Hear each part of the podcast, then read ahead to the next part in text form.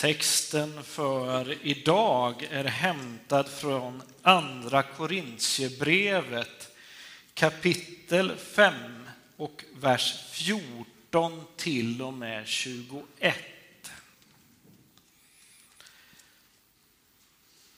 Så här står det. Kristi kärlek lämnar mig inget val.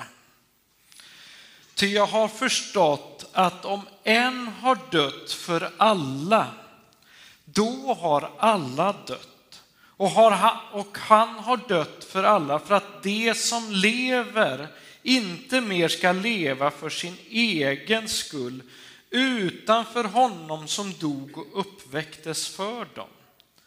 Därför bedömer jag inte längre någon på människors vis och om jag också har uppfattat Kristus på det sättet så gör jag det inte nu längre. Den som är i Kristus är alltså en ny skapelse. Det gamla är förbi, något nytt har kommit. Allt detta har sitt upphov i Gud som har försonat oss med sig genom Kristus och ställt mig i försoningens tjänst. Ty Gud försonade hela världen med sig genom Kristus. Han ställde inte människorna till svars för deras överträdelser och han anförtrodde mig budskapet om denna försoning. Jag är alltså Kristi sändebud och Gud manar er genom mig jag ber er på Kristi vägnar, låt försona er med Gud.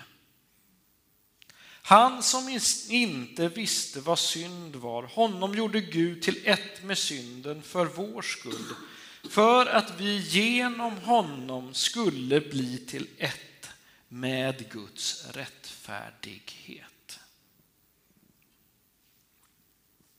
Alltså det här är ju, jag, jag skulle kunna säga, jag säger två korta saker direkt. så. Det här är alltså evangelium i liksom ett otroligt koncentrat. Man kan dra ut ganska mycket från varje ord här. Och jag tror att Paulus har vägt de här orden på våg. För att det han gör, att han, han vill ju på något vis eh, berätta för korintierna varför han jobbar med det han jobbar. Och därför är det så otroligt viktigt för honom att peka på de här sakerna i den här texten. Och, eh, alltså, och Paulus då, och det här är till punkt två där, de här korta punkterna där. Alltså Paulus motivation till allt det han gör. Alltså han sammanfattar ju det i de här orden som är i början av våran text. Kristi kärlek lämnar mig inget val. Alltså det är på något sätt, det blir som tvingande för honom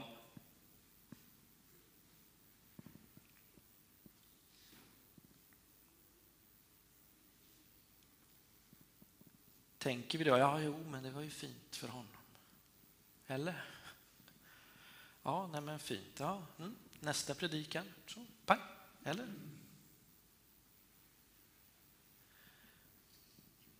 För Paulus är det här så liksom grundläggande för honom.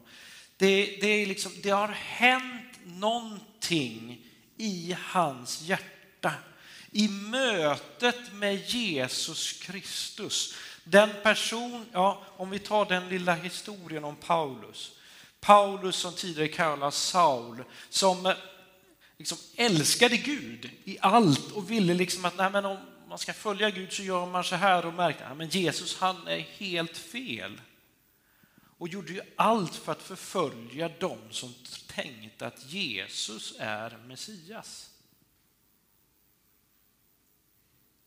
Men sen fick ju Paulus, eller då Saulo, ett otroligt möte med Jesus på vägen till Damaskus. Och detta var ju som att det, det vände upp och ner på en hand. Allting blev förändrat för honom.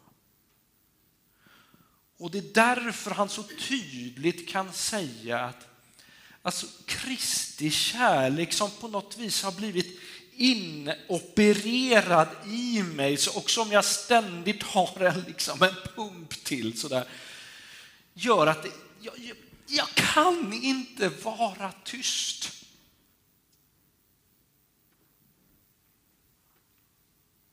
Och det på något vis ger honom existensberättigande att fortsätta med det han gör. Ja, Paulus han, han liksom motiverar ju detta vidare med att ja, på grund av att Kristus dog och uppväcktes, ja, för det första för alla som tror på, det, på Jesus, men även för alla människor, hela kosmos, ja allt Jesu död och hans uppståndelse skedde ju för världens frälsning. Och Jesus blev på det viset hela mänsklighetens och skapelsens representant. Man använder ord i Bibeln som att första Adam och eh, den sista Adam. Och där gör man ju liknelsen då med att Adam, som det står om i första Mosebok, Adam och Eva, där säger man att i och med Adam så kom synden in i världen. Och då refererar man till Jesus som den siste Adam, alltså på grund av Jesus så finns det möjlighet att få bort synden ifrån mänskligheten. Där första och sista Adam. Eh. Ingen annan kunde göra så att man kom till Gud. Det fanns inte någon annan väg för den som är dödlig. Och Kristus dog den död som vi människor borde ha dött. Jesus dör det man kallar ett ställföreträdande en ställföreträdande död, alltså istället för oss. Och från Guds sida så är ju då helt klart, ja, försoningen är klar från Guds sida. Det är hans verk. Ingen annan ska kunna säga att jo, men det var ju jag som gjorde det här. Det var jag som faktiskt spikade fast honom på korset, så lite grann är ju mig. Nej, det finns ingenting sånt. Utan det är det är Guds verk enbart. Och vi människors ansvar är att ge vårt gensvar till det Jesus har gjort. Och vid ett gensvar av ja, ja, jag accepterar Guds verk, då börjar en förvandling i oss människor eh, Paulus använder ordet att det blir ett nyskapande som påbörjas. På ett sätt har ju allting det här börjat eh, i och med eh, påskdagsmorgonen så att säga för cirka 2000 år sedan. Vi är sedan dess Guds medhjälpare att förmedla budskapet om försoningen. En liten passus. När Sydafrika hade vänt apartheidfilosofin ryggen och började vandringen till ett nytt samhälle såg det nödvändigheten av en sannings och försoningskommission. De sydafrikanska ledarna förstod att om landet skulle kunna helas från sina djupa sår måste det ske något helt nytt. En försoning mellan olika människor en försoning mellan olika grupper, mellan samhällsklasser och olika folk. Och de sydafrikanska ledarna ville då vara en hjälp till att den här försoningen kunde ske i det landet. Du och jag kan vara Guds medhjälpare idag till försoning i världen. Men då handlar det om att inte längre leva för sig själv eller leva för sitt ego. Paulus undervisar om att den som är i Kristus är en ny skapelse. Vi kan ju fundera på det. Hur syns denna nya skapelse? Hur syns det på mig? Hur syns det på dig? Och, ja, där kan man fundera på. Vilka är tecknen? Paulus svarar så här. Att Jesus Kristus har dött för alla för att de som lever inte mer ska leva för sin egen skull utan för honom som dog och uppväcktes för dem. Att vara kristen är inte bara att ha fått sina överträdelser förlåtna utan också att vara på väg att formas till Guds avbild och likhet med Jesus. Och att likna Jesus innebär djupast att inte leva för sin egen skull.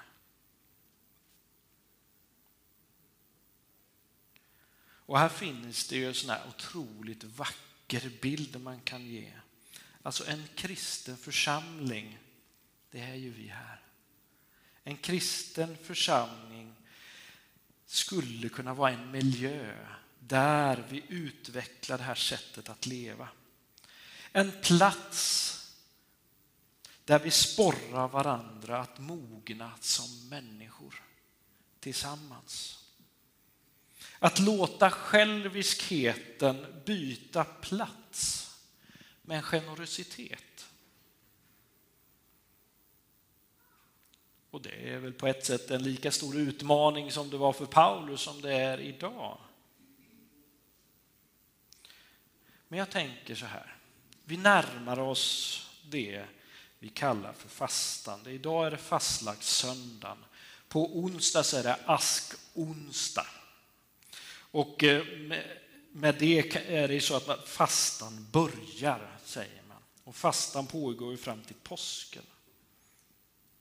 Och ibland kan man använda fastan till att försöka ställa in sig igen på en rätt våglängd. Att ta tid och söka Gud och hans vilja för ditt liv. Hur ska det se ut? Gud, vad behöver du justera i år? Gud, jag vill ta tid. Jag vill välja bort någonting för att ta tiden med dig. För att kanske komma närmare dig. Några steg det här året. Jag skulle, vilja, skulle kunna inbjuda dig, kom med på andrum med nattvard nu på onsdag klockan åtta och ha det som en start för ditt sökande av Guds vilja för dig själv. Och låt dig förvandlas genom mötet med Kristus. Precis som Paulus upplevde en förvandling i mötet med Kristus så vill Jesus Kristus förvandla ditt liv. Så att du och vi tillsammans tydligare och tydligare kan gestalta Jesus Kristus här i Taberg och vidare ut i världen tillsammans. Vi ber. Tack Jesus Kristus att du är herrarnas herre och kungarnas konung. Gud, jag vill bjuda in dig igen till mig själv att vara mitt centrum. Gud, styr mina steg, styr våra steg. Jag ber om det. I Jesu namn. Amen.